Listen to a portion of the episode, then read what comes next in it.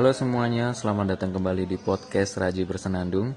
Di episode keempat ini, aku akan membicarakan soal bagaimana sih ceritanya aku bisa jadi awardee beasiswa MSPP dan juga sedikit membahas tentang beasiswa MSPP-nya itu gitu. Sebelumnya aku minta maaf banget kalau misalkan omongan gue ini masih ada medok-medoknya ya. Jawa nih banget lah ya, Jawa banget, masih kental banget Jawanya. Kemudian minta maaf juga kalau misalkan berisik banget karena teman-teman masih masih pada belajar motor-motor juga eh, kadang lewat di sini dan mereka itu kencang sehingga mengganggu ketenangan sebenarnya. Well, aku ingin memulai dengan sedikit penjelasan mengenai MSPP. Beasiswa ini tuh kayak gimana sih? Ya, menurut pengetahuanku aja gitu. Beasiswa ini diselenggarakan oleh Muhammadiyah. Namanya aja MSPP kan, Muhammadiyah Scholarship Preparation Program. Diadakan uh, setiap setahun sekali dan diadakan semenjak tahun lalu. Sekarang ini untuk kedua kalinya tahun ini. Yang menyelenggarakan Majelis Diktilitbang Muhammadiyah atau Majelis Pendidikan Tinggi dan Penelitian dan Pengembangan. Kerjasama dengan Majelis Pendidikan Kader kemudian beberapa institusi seperti Universitas Ahmad Dahlan Universitas Muhammadiyah Solo Lazismu dan beberapa institusi lain. Nah beasiswa ini ngecover biaya kursus akomodasi atau tempat tinggal lalu biaya hidup kemudian beberapa hal seperti transportasi dan lain sebagainya. Nah, ada juga reward khusus bagi para awardee yang setelah masa kursus 3 bulan itu mengambil real test IELTS kemudian skornya di atas 6,5 6,5 ke atas lah ya itu nanti akan diberikan reward berupa uang pendaftaran kursus eh kursus uang pendaftaran tesnya itu diganti karena tes IELTS itu lebih dari 2.500 sehingga rewardnya adalah uang untuk tesnya itu diganti. Beasiswa ini cocok banget buat seluruh kader Muhammadiyah di mana pun dia berada khususnya di Indonesia sih yang ingin studi lanjut master atau doktor di luar negeri. Atau mau apply scholarship ya beasiswa ini cocok banget sebagai preparation. Karena salah satu syarat utamanya untuk daftar kuliah di luar negeri selain ijazah dan transkrip yang sudah diterjemahkan ya kemampuan berbahasa language proficiency baik itu TOEFL maupun IELTS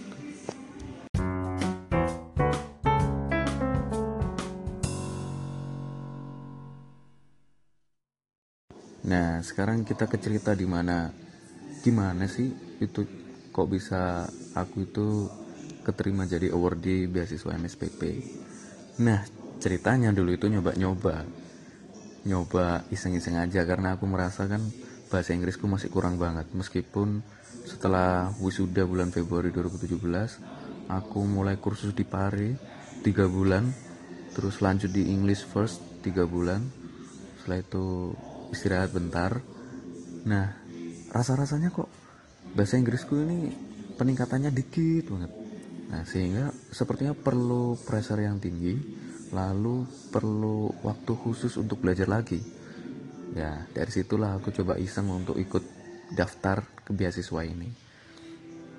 Untuk daftar beasiswa ini tuh perjuangannya amit amit amit amit amit amit beratnya. Ya maksudnya uh, tidak semudah yang kita bayangkan gitu kan. Meskipun aku juga salah satu kader Muhammadiyah persyaratan administratif kemudian harus ikut wawancara dengan bahasa Inggris itu yang jadi tantangan banget buatku. Soalnya masalah administrasi ini harus minta langsung ke rektor surat rekomendasi.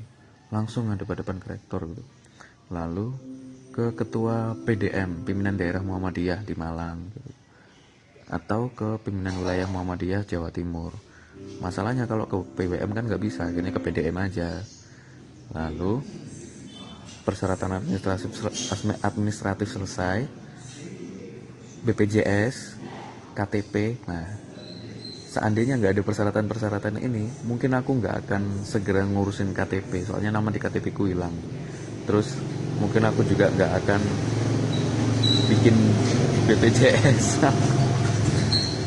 bersyukur banget lah nggak apa-apa lah ya kemudian setelah dinyatakan lolos administrasi, aku harus ikut wawancara via telepon pakai bahasa Inggris.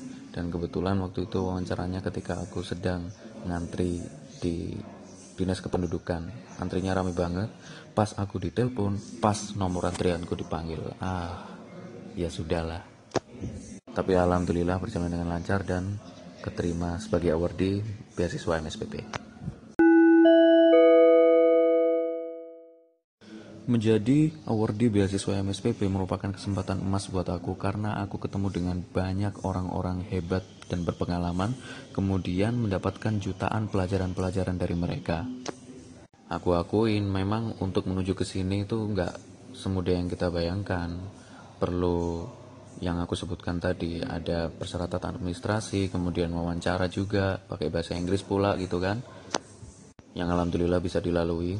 Akhirnya kami dikumpulkan di Jogja selama satu minggu, lalu disebar ke tempat-tempatnya, ke Pare di Kampung Inggris, kemudian di UMS Solo.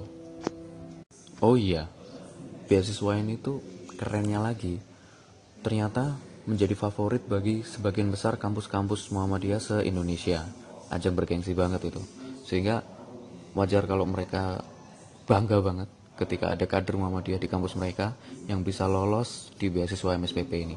Dan aku berada di tengah-tengah mereka, ketemu sama mereka, interaksi dengan intens dan santai, layaknya kawan yang sudah sangat dekat sekali. Itu kesempatan yang sangat sangat indah sekali buatku karena bisa mendapatkan ilmu-ilmu yang sangat berharga dari mereka. Banyak dari teman-teman ini yang sudah jadi dosen, kemudian politisi, dan lain sebagainya pengalaman mereka untuk terjun ke mana-mana itu sudah sangat tinggi sekali. Jam terbangnya tinggi. Aku yang masih belum ada apa-apanya ini sangat senang sekali bisa belajar dari mereka. Belajar bagaimana masalah perekonomian, perpolitikan, kondisi di Indonesia. Ya, karena aku orangnya kuper ya, sehingga bisa dapat ilmu yang sangat banyak sekali dari teman-teman yang ada di MSPP ini. Jadi buat kawan-kawan yang kader Muhammadiyah, baik itu teman-teman mau anak IMM, IPM, teman-teman aktif di pemuda, di ranting kah atau di PDM, silahkan, silahkan untuk untuk mengejar beasiswa ini, dikejar aja, karena anda akan mendapatkan pengalaman berharga yang sangat sangat tidak bisa di ya belum tentu semua orang bisa mendapatkan pengalaman ini.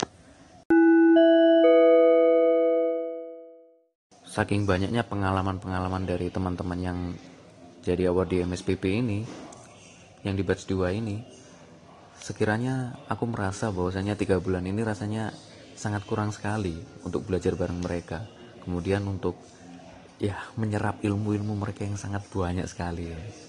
Wow. Wow banget pokoknya. Menurutku wow banget. Nah, di episode-episode berikutnya, mungkin aku akan mengajak teman-teman award di MSPP nggak semuanya mungkin sebagian untuk berbicara soal beasiswa ini. Misalkan tentang MSPP itu kayak gimana terus prosesnya untuk bisa keterima jadi awardee beasiswa MSPP lalu seputar perkembangan mereka-mereka dari awal awal datang ke tempat kursus sampai saat ini. Kan sudah berlalu tiga bulan ini sudah hampir selesai. Kebetulan periodenya udah hampir selesai. Lalu bagaimana pesan-pesan mereka ini? Kan mereka pengalamannya banyak kemudian merasakan ditempa di sini dengan berbagai eh uh, pressure yang sangat tinggi. Dan alhamdulillah memang peningkatannya terlihat. Yang dulunya mungkin agak agak gimana gitu agak kagok gitu kalau ngomong bahasa Inggris. Eh sekarang lancar dan tahu grammarnya. Keren kan? Kalau begitu nantikan di episode-episode berikutnya mengenai sharing tentang beasiswa MSPP bersama kawan-kawan awardee beasiswa MSPP batch 2. Oke, kalau gitu kawan-kawan, sampai ketemu di episode-episode berikutnya. Bye bye. Halo Mas Raji, gimana kabarnya? Hampir beberapa bulan ini di Pare ya. Boleh dong diceritain perkembangannya juga selama di sana gimana? Kemudian juga eh bolehlah berbagi tentang apa sih motivasi terkuat begitu untuk bisa berangkat dan menetap di luar negeri dalam hal ini adalah bersekolah di sana. Begitu dan sebenarnya kontribusi apa sih yang ingin dilakukan untuk Indonesia ke depannya? Makasih. Ya suatu kesyukuran banget ya Alhamdulillah banget saat ini setelah belajar eh, berbulan-bulan ya di Pare akhirnya ada peningkatan gitu. dari yang tadinya bisa 4,5 sekarang bisa naik ke 5 atau 5,5 di band score IELTS. Terus motivasi terkuatku untuk bisa kuliah di luar negeri itu ya aku ingin berkontribusi untuk bangsa. Makanya aku perlu meningkatkan kapasitas ke tempat sumber ilmunya itu gitu yang kayak kita lihat sekarang kan permasalahan utama di negara kita ini masalah ekonomi kemudian masalah politik. Perlu adanya pendidikan politik ke masyarakat habis itu perlu juga menguatkan motivasi masyarakat biar mereka itu meningkatkan ekonominya dengan kekuatan mereka sendiri bukan dengan kekuatan dari asing yang memasukkan investasi sama ya bikin perusahaan di sini lah